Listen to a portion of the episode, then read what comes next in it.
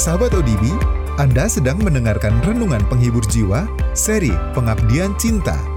Nikahi yang kita cintai, cintai yang kita nikahi.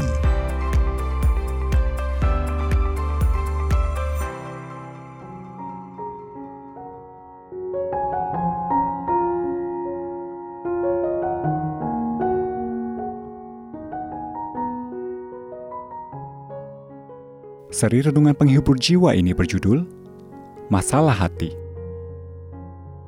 Firman Tuhan dalam Kolose 3 ayat 18 sampai 25 mengatakan,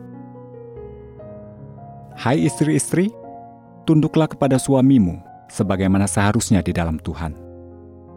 Hai suami-suami, kasihilah istrimu dan janganlah berlaku kasar terhadap dia. Hai anak-anak, taatilah orang tuamu dalam segala hal, karena itulah yang indah di dalam Tuhan. Hai bapak-bapak, janganlah sakiti hati anakmu, supaya jangan tawar hatinya. Hai hamba-hamba, taatilah Tuanmu yang di dunia ini dalam segala hal. Jangan hanya di hadapan mereka saja untuk menyenangkan mereka, melainkan dengan tulus hati karena takut akan Tuhan. Apa pun juga yang kamu perbuat, perbuatlah dengan segenap hatimu seperti untuk Tuhan dan bukan untuk manusia kamu tahu bahwa dari Tuhanlah kamu akan menerima bagian yang ditentukan bagimu sebagai upah. Kristus adalah Tuhan dan kamu hambanya. Barang siapa berbuat kesalahan, ia akan menanggung kesalahannya itu, karena Tuhan tidak memandang orang.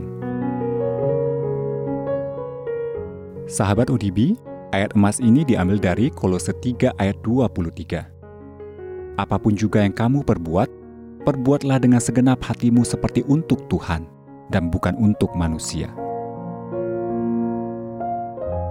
Katalog tentang program Extension Outreach di Universitas Wisconsin mencantumkan dibukanya kelas baru tentang interpersonal forgiveness atau pengampunan antar pribadi.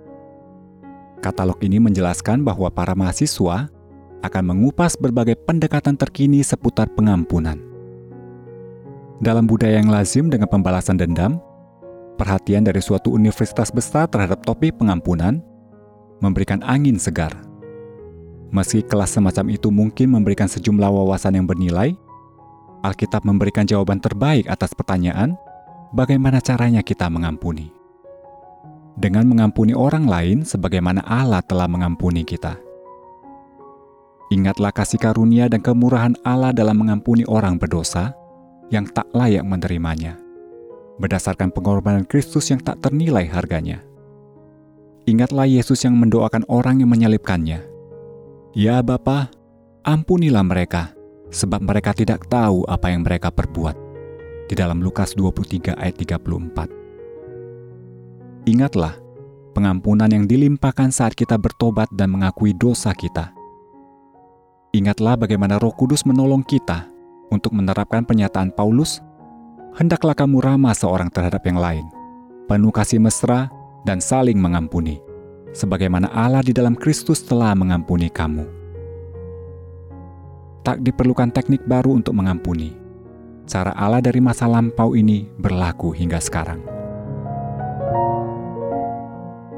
Sahabat UDB, kita bisa memberi tanpa mengasihi, tetapi kita tidak bisa mengasihi tanpa memberi.